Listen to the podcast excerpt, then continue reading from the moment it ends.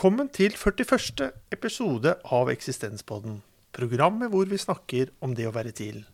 Mitt navn er Erling Bærum, og i dag har jeg fått besøk av Tobias Nordbø. Takk for at du ville komme. Takk for at jeg ble invitert.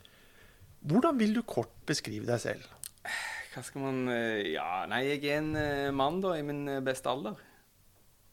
Som har mye tid til å tenke og Ja, bruker du tiden din hovedsakelig til å tenke, eller bruker du den på andre måter? Nei, det blir jo mye blir, jeg, skriver, jeg skriver skjønnlitteratur, så da blir det jo mye tenking. Og det blir jo mye Det blir mye tenking, men det blir òg mye um, flikking på språk og sånn. Så, men jeg vil jo det er jo en artikulasjon. Prøve å, prøve å artikulere noe på den best mulige måten. Hva handler hverdagene dine om eh, i disse dager? det handler egentlig bare om skriving for, ja, i stor, veldig stor grad, egentlig. Hva, hva er det du skriver på? Eh, jeg skal, jeg, nå skal jeg fullføre en sånn eh, romantrilogi om Søren Kirkegårds eksistensnivå, er da ideen. Så da har jeg skrevet min debutbok, som kom i 2017, heter 'Hasj og høykultur'. Som da skal handle om det estetiske nivået til Kirkegård. Og den andre boken kom i 2019, og den heter 'På gjengrodde turstier'. Og den eh, handler jo om det etiske nivået. Og så jobber jeg da med det tredje nivået, som er det religiøse nivået. Så den er det jeg bruker mine dager på. Opplever du noen vesensforskjell mellom å skrive de tre bøkene med tanke på de forskjellige nivåene? Ja, absolutt, men det handler jo òg litt om evnene mine. Altså, I første, første boken min var jeg jo en person som sånn, Jeg hadde jo studert litteratur, men jeg hadde ikke peiling på hvordan jeg skulle skrive roman. sånn helt konkret. Så da, Og jeg hadde jo lyst til å skrive en bok der ikke nødvendigvis karakterene heller ville bli forfattere. Eh, og så, når man da går videre til etiske nivå, så er jeg jo bare en sånn, rent teknisk sett en bedre forfatter. Og, eh, og da føler jeg at jeg kan tenke litt større tanker, kanskje litt mer kompliserte tanker. Og når jeg da er på det tredje nivået, så Altså, sånn, det er jo et lite hierarki hos Kirkegård, da. Mm.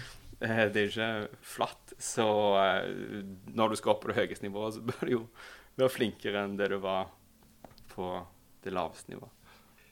Hva tenker du kan være viktig å nevne om deg og ditt liv? Eh, nei, uh, hva skal man si? Jeg er fra Stavanger. Jeg er, jeg er blond. Jeg har briller.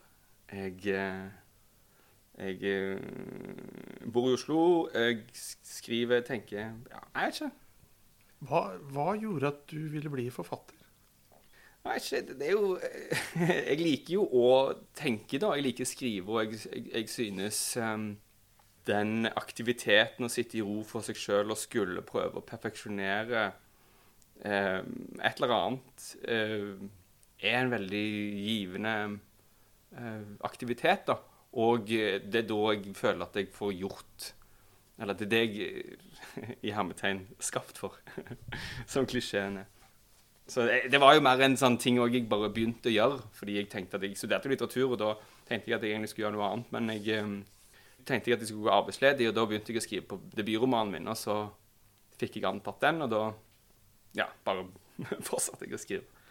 Du har også blitt bedt om å velge ut en grunnleggende dimensjon ved det å være til som menneske. Hva har du valgt som tema for dagens program? Jeg tenkte jeg ville snakke om biohacking.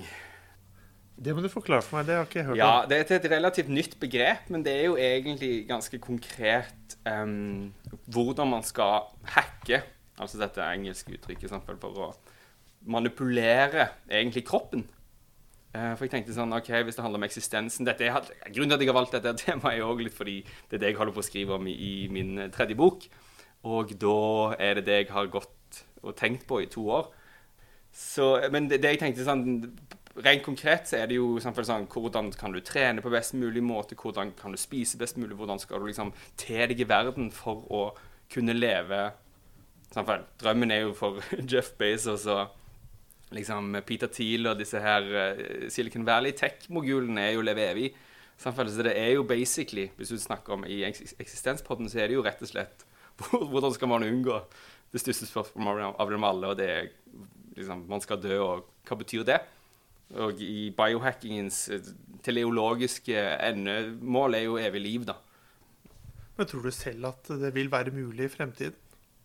Nei, det som er interessant, er jo hvor lenge kan du leve, og hvor lenge kan du leve i en frisk kropp? Kan sinnet ditt, um, ånden din, kopieres inn i, en, i, inn i et eller annet digitalt um, inn i en eller annen digital dimensjon, da, der du f.eks. ikke har en kropp lenger, men du er ren ånd. Altså, dette her, dette her er det, de nye, ganske nye filosofiske problemstillinger som selvfølgelig er liksom gå tilbake igjen helt til liksom, de grunnleggende spørsmålene, men jeg mener sånn Det er jo å åpne opp for å tenke rent konkret hvordan skulle man laste opp f.eks. sinnet sitt i en datamaskin. Da. Og da kan du potensielt leve evig, så frem til ikke den der uh, serveren går til helvete. Det er vel også, Noe av problemet er vel også at vi lever i en, en kropp som er liksom mer sånn karbonbasert.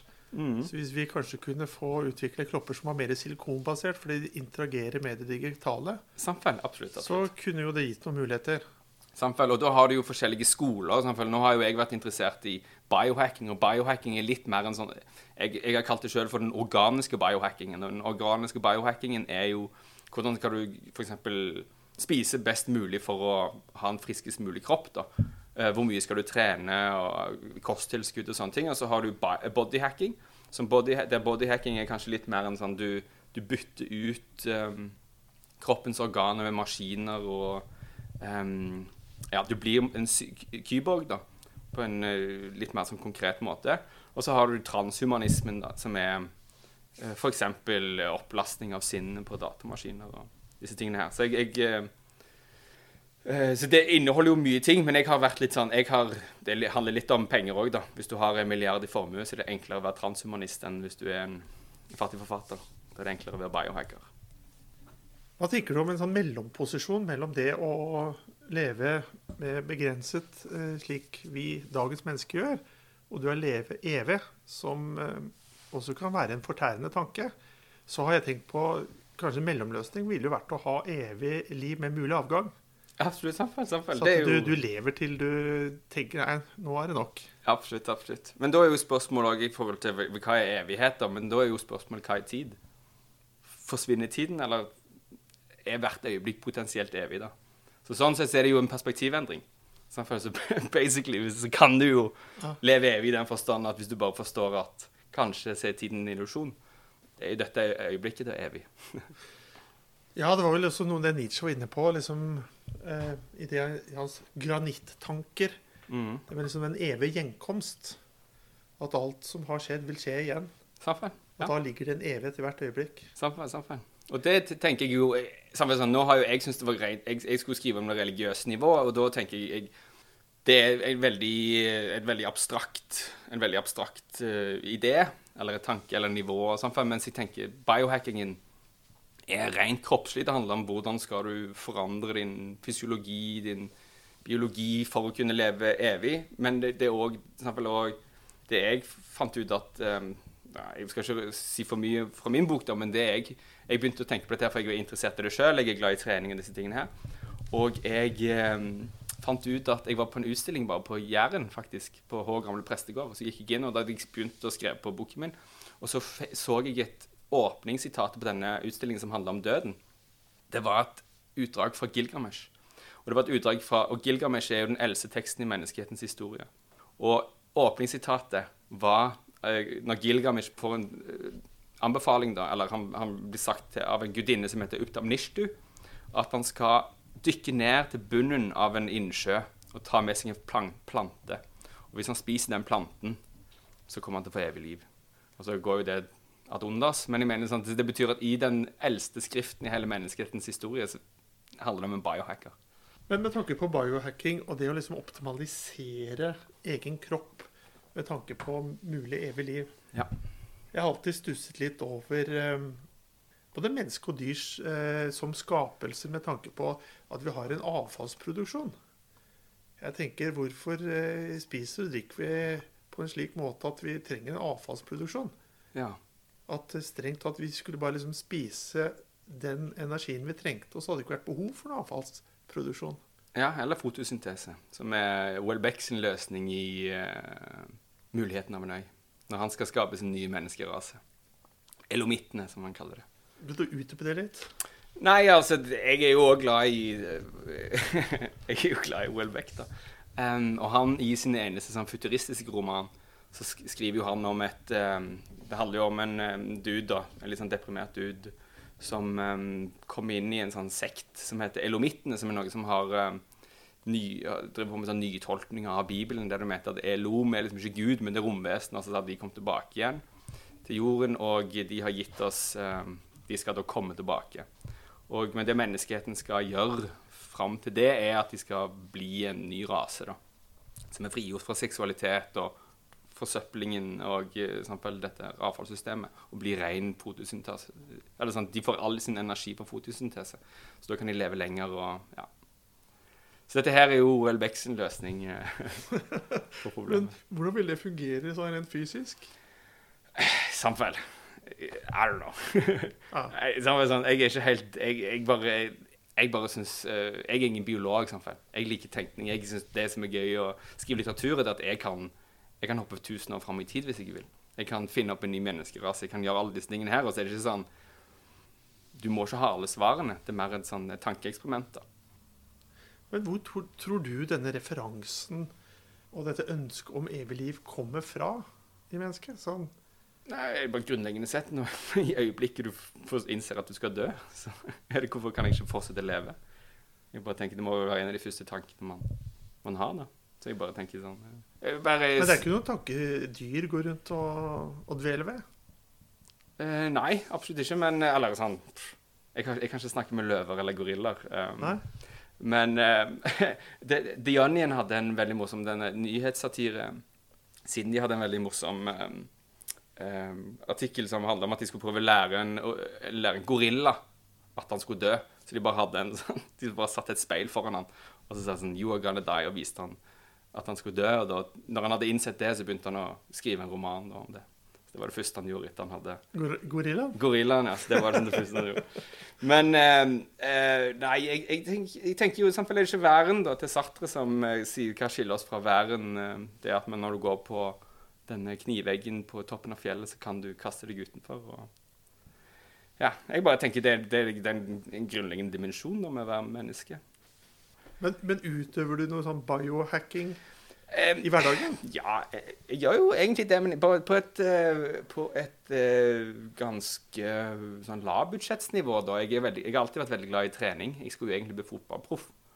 Og så når jeg ikke forsto at det ble, ble kom til å skje, så tenkte jeg at jeg skulle bli statsminister. Og når jeg ikke kunne bli statsminister, så var jeg sånn faen, da. Hva skal jeg bli? Hvorfor kan du ikke bli statsminister? Samferdsel, samferdsel, samfunn. Jeg har planer. senere, kanskje? Hæ? Ja, senere. Samferdsel, samferdsel. Ja. Nei da, men jeg har planer. uh, halv på tull og halv på ekte. Men um, nei da. Uh, ja, Vaklav Havel var jo forfatter. Og... Ja, ja, ja. Samme, samme. Jeg, tror jo, jeg, jeg, har jo veldig sansen for um, det å, um, å bare tenke, og, og det tenke litt utopisk, da. Å tørre å tenke utopisk og um, prøve å rett og slett bare artikulere sånn, jeg bare tenkte Det som er spennende med å skrive sjøllitteratur, er at man kan eh, være innom egentlig hva som helst. Man kan finne opp sitt eget land, man kan finne opp sitt eget politiske system. Man kan gjøre alle disse tingene her. og og eh, alle mm, politiske systemer og sånt er skapt av mennesker. da. Så man må jo bare hele tiden prøve å artikulere et eller annet bedre samfunnssystem. Hva slags eh, følelser om nåtiden tror du ligger under din fascinasjon for utopier og, og det å kunne gjøre ting annerledes? Nei, men det er vel en sånn Man, man føler på en sånn stivnethet, da, kanskje. Uh, man føler at um, verden Altså det man ble jeg, jeg, I dag så leste jeg nettopp uh, John Myard Kane sitt uh, essay um, 'The Economic Prospects of Our Grandchildren', er det det heter? Som basically er han i 1930 som sier om 100 år så skal vi jobbe i 15 timer til dagen fordi vi kommer til å ha så mye materiell overflod at man, man skal ha nådd et eller annet sånn høyere sivilisatorisk nivå. da. Og det har man jo selvfølgelig gjort, men og jeg jobber ikke, jeg jobber ikke enn 15 timer i uken med ting jeg ikke vil. Så jeg mener sånn, sånn sett så hadde Kanes rett um, i forhold til meg. Men jeg tenker at um, Ja, som sagt, så, så man hadde en del utopier, og så hadde de gått til helvete. med kommunismen og alle disse tingene her. Og så har man Jeg er veldig glad i en, en regissør som heter Adam Curtis, som er en av de beste sånn, samfunnsdiagnostikerne, syns jeg, som har laget noen fantastiske dokumentarer som handler om basically uh, dette øyeblikket der, og hvor vi skal videre. Og jeg tenker at um, man er frossa litt fast, da, at man har en sånn høyre-venstre-akse, og man, man skal alltid bare skru til ting og gjøre ting litt bedre, mens jeg tenker utopien kan av og til være veldig produktiv. Der man selvfølgelig anerkjenner at utopien er en utopi, men hva annet skal man gjøre enn å strekke seg etter en utopi? Når du snakker om eh, å bevege seg mot evig liv som et mål, Ja. hva slags samfunn vil vi få av mennesker som har evig liv? Altså, i Du har jo vel AJ Wells, da, som har denne en, er vel kanskje den første um, sci-fi, en av de første virkelig sånn sci-fi-novellene. Der, eh, der, der det er den tidsmaskinen som, der du reiser fram i tiden, og underklassen lever i sånn under jorden um, kummerlige liv, mens overklassen lever sånn evig liv og bla, bla. Så det er jo selvfølgelig en, um, en, en veldig stor fare, da.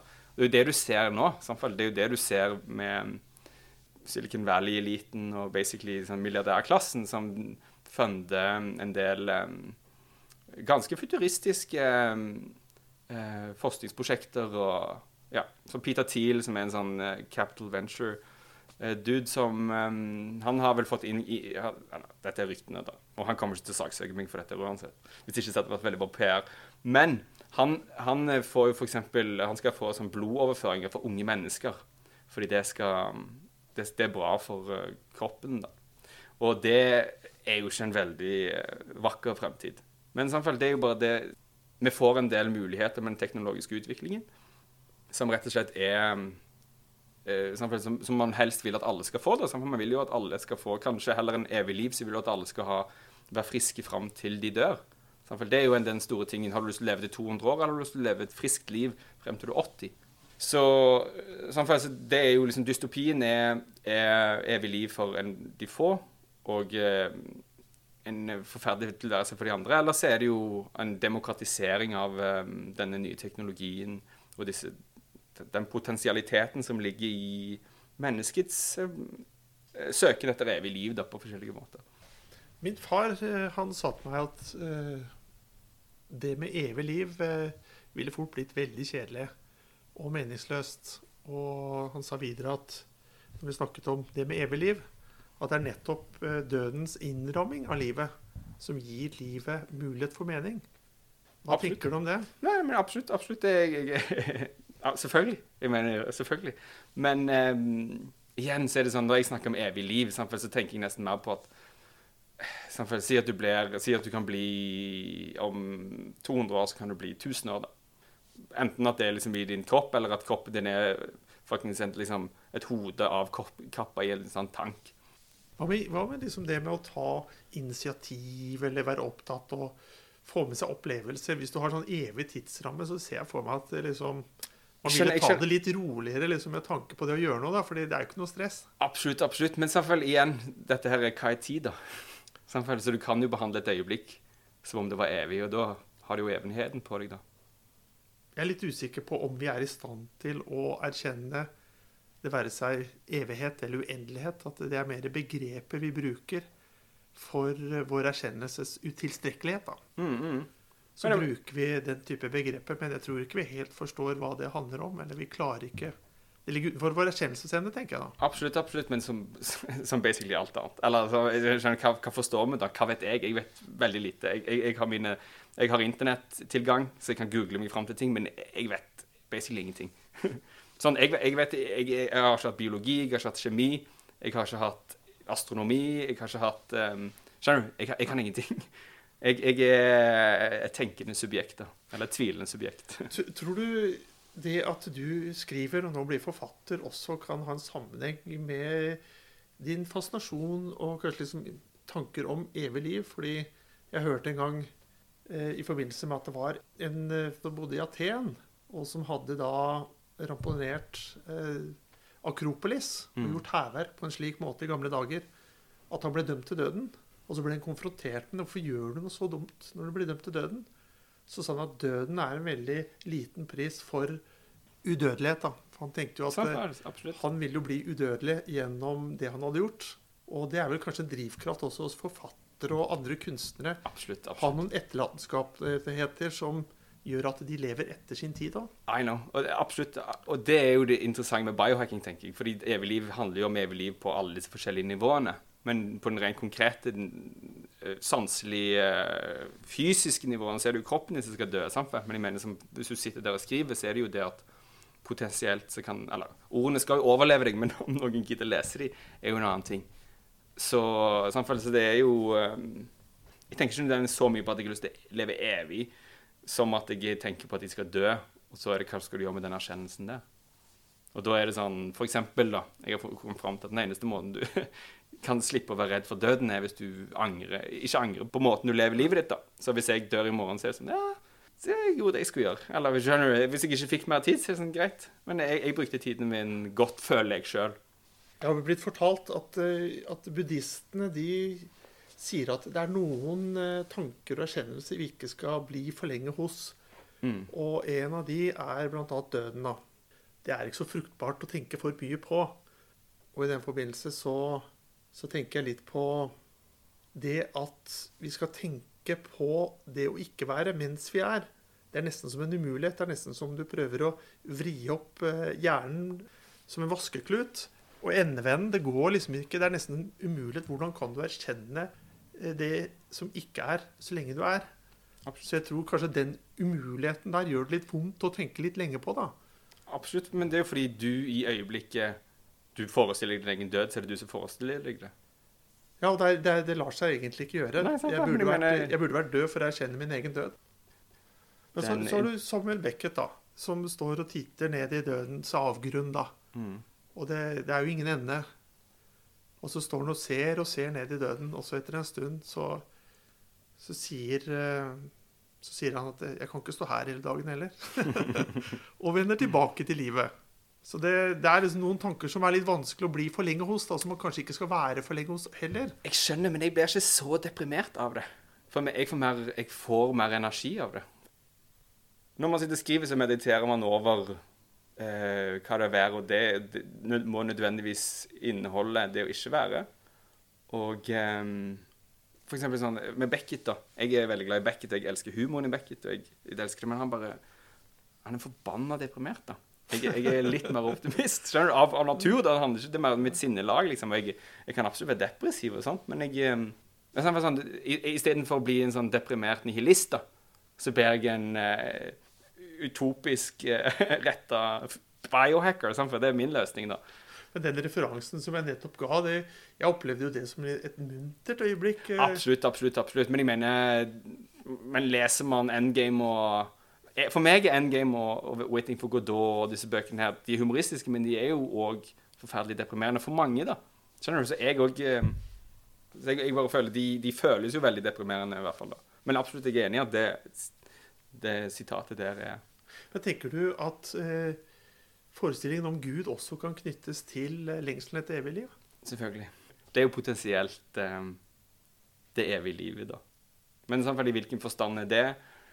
Det er jo det jeg, jeg har jo synes det, det jeg syns var litt interessant med skriveboken, er det at jeg må prøve å Jeg må både absorbere forskjellige eh, filosofiske skoler eller religiøse skoler, og så må du prøve å finne ut Jeg er vokst opp liksom, protestantisk, Sant? så jeg, jeg vet jo hva den eh, Gud er, sant, med stor G. Og eh, og hvis du skal skrive, sant? det, det som er interessant, er hvis du skal skrive om kirkegård, så er det jo ikke Du må jo tenke på det.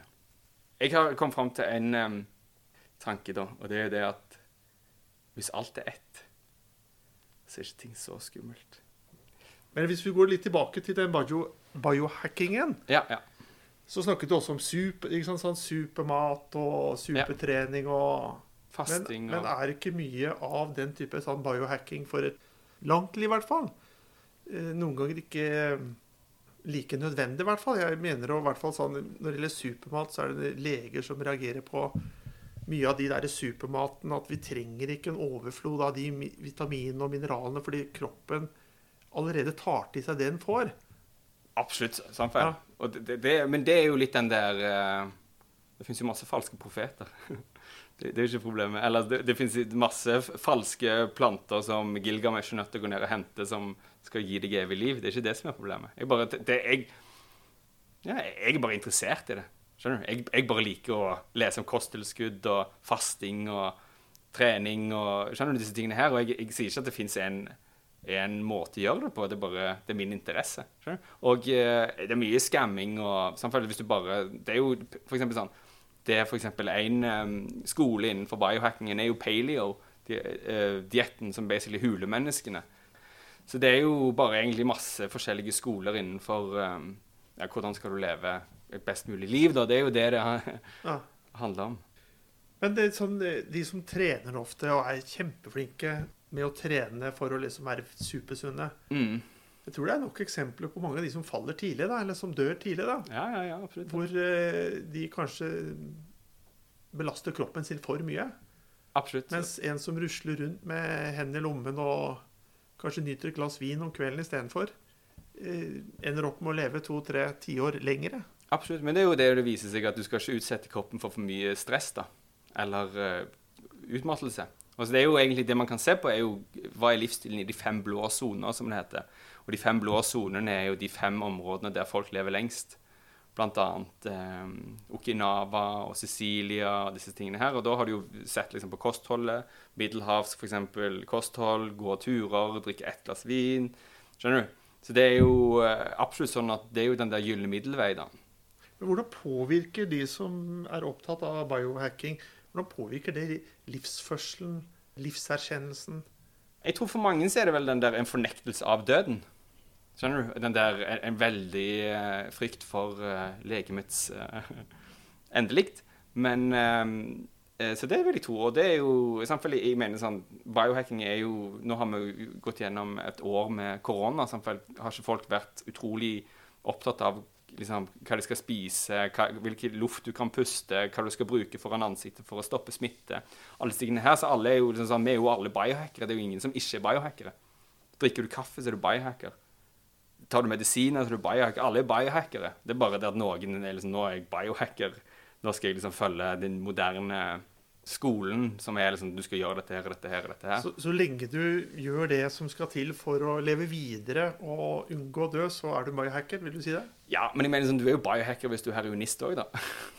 altså Ja. i den forstand du hacker jo hodet ditt Ja. og får en heroinrus. Det er bare det at da er liksom valget du tar Eller ja, valget du tar, er det at jeg leve, kanskje jeg skal leve litt lenger fordi jeg opplever eksistensen ekstremt uh, intenst i de øyeblikkene. Men de koster, da. Samtidig på den samme måte som du, eksempel, hvis du er maratonløper, profesjonell maratonløper, så er det sånn deal Da lever du ut din ekstra energi i de øyeblikkene, og så får du en betaling f.eks. seinere at kroppen din er utslitt. da. Så ja. Men du, med tanke på de, den triologien Ja. som du skriver på, hvor du nå er på den tredje boken, og det som skal da handle mer om det religiøse nivået, er det der biohackingen, interessen har kommet? Nei, jeg har jo egentlig vært interessert i trening. Som sånn, jeg ville jo bli fotballproff. Så jeg var jo veldig interessert i trening veldig lenge, og jeg har egentlig vært interessert i trening. Og så er det jo å finne Det man ofte gjør, det jeg gjør når jeg skriver, da, som sikkert veldig mange forfattere gjør, det er at du tar utgangspunkt litt i deg sjøl, og så dikter jeg Så lager jeg en eh, jeg, jeg bruker denne verden vi lever i, og så eh, gjør jeg den kanskje litt mer ekstrem eller litt fremmedgjort. eh, Liksom, jeg bruker meg sjøl, men det er liksom ikke helt meg. Skjønner du? Så jeg, jeg, jeg bruker egentlig bare de tingene jeg er i utgangspunktet interessert i, og så tenker jeg det er Skal du skrive om religiøst nivå, så bare rommer liksom biohacking alle dimensjonene. Og eh, det er I vårt øyeblikk så er det f.eks. bare med i, På NRK nå så er det sånn Det er en nyhetssak hvis folk isbader. Det er sånn På NRK så er det sånn Å ja, nei, det var 14 minus og tok et bad, det, liksom. Skjønner du? Så det, det er jo biohacking òg, den der isbadingen. Det er jo det Putin skal gjøre hver gang han skal vise at han er i en god form. Da går han ut i sånn 30 minus, og så korser han seg før han går ned i sånn isbad, og så piler han inn i, inn i huset sitt. Det, jeg har egentlig vært interessert i det eh, veldig lenge, og så har det jo vært liksom Nå kaller man det for biohacking, da, men jeg mener alle, alle mennesker er biohackere. Men interessen for eh, kirkegård da, og disse tre stadiene, Ja. hvor kommer den fra? Nei eh, Jeg vet ikke. Jeg, jeg, eh, jeg starta jo det, Tingen er at Jeg har alltid vært glad i kirkegård, og jeg har alltid eh, syntes han var en sånn kul tenker. skjønner du? Bare litt sånn, også litt sånn anti. Bare han litt sånn Fuck you, jeg skal tenke på disse tingene her. Sånn, Jeg liker motstrømsfolk, og jeg liker folk som går litt alene og tenker for seg sjøl. Og, så plutselig så bare sånn, viser de deg at det er de som, de som har de greiene. da. Og, uh, men når jeg skrev min første bok, så um, så da, Den heter Hasja høykultur, og det er oppkalt etter et sånn uh, selskap jeg starta, som var Vi gikk i operaen og Og da, for det første, første samlingen av Hasja høykultur, så gikk vi på et foredrag helt tilfeldig om Kirkegård sitt forhold til Mozart. Så da satt vi liksom hele gjengen på bakerste benk og så et foredrag om Kirkegård og Mozart. Og det var sånn Det bare kom til meg. Jeg føler litt òg bare sånn Det har bare Jeg hadde ikke så mye valg. Men du fascineres jo av utopier. Eh, fascineres du også av det religiøse nivået som Kirkegård beskriver? Ja, ja. Selvfølgelig. Hva, hva er det som fascinerer der? Nei, det er jo evig liv, da. Det er jo mange i norsk litteratur som er interessert i kirkegård, og sånt, men jeg føler mange av de er liksom interessert i det estetiske og det etiske og spissborgerne. Sånn. Mens jeg tenker at det som er gøy, er jo Jeg, jeg syns det er gøy å, okay, å, skrive en religiøs roman. Da, skjønner du? Og det føler ikke du har lov til. Og da er det sånn, da, du, det, da, da skal du gjøre det. I, I, det religiøse nivået så kan du gå innom buddhismen, du kan gå innom syntologien, du kan gå innom uh, biohackingen, du kan gå innom Gilgamesh. Sånn, det rommer alt. da. Og, eh, og, så er det jo å finne ut sånn vel, OK, kommer du til himmelen? Kommer du til Fins tid? Hva er bevissthet? Bla, bla, bla. Sånn, sånn, alle disse tingene her er jo F.eks. spørsmålet om evig liv er jo da hva er bevissthet? Sånn, vel, er du summen av de hjernesignalene dine som, som bare oppleves som en ting i et integrert informasjonssystem, eller er du, um, eller er du en sjel, eller Skjønner du? Men tenker du det er viktig at vi må ha svar på det, eller Nei. kan det også være fint å, å leve i en, i en vetikighet? Ja, nødvendigvis må du leve i en vet-ikke-het. der har du ikke så mye valg, vil jeg tro. Sånn, altså, så fremt at du tror, da. Ja da, det er det jeg tenker. Noen velger jo på en måte noen forsøksvise svar og, og holder ja, ja, ja. seg til de, men det å akseptere at kanskje underet er at vi ikke vet. Selvfølgelig så er det jo den der, eh, sånn som du, du snakket om for eksempel, Sånn evighet som konsept er for stort å tenke. Det er, masse disse tingene her er jo for store å tenke. Og så er det jo det, det som er spennende, er jo du som en identitet i, i et visst tidsrom som får lov å tenke så store tanker du vil. At, um... Vi nærmer oss slutten, og jeg vil bare komme inn på et tema avslutningsvis. Eh, ser du noe sammenheng mellom dødsfrykt og biohacking, eller også da målet om evig liv? Absolutt. Absolutt. Men det er vel sånn i min kamp eh, som åpner med å, si sånn, for Først begynner det med hjertet som slutter å slå, altså Knausgårds kamp, som sier at liksom, det vi har gjort i våre samfunn, er at vi har gjemt bort døden. da. Så Det betyr at man beskriver døden som noe surrealistisk. eller skjønner du? Så Det vi har gjort, er jo bare det at man, det eneste du har igjen, sånn, er den materielle verden og kroppen og, og opphøyingen av liksom, ja, det materialistiske livet. da. Og da er jo det spennende å finne liksom uh, jeg, jeg, vil tro at alle mennesker nesten i verden har hatt på et tidspunkt akutt dødsangst. På en, på en måte de ikke har hatt før. Og og da blir vi som samfunn livredde hvis man ikke har tenkt den tanken før. da.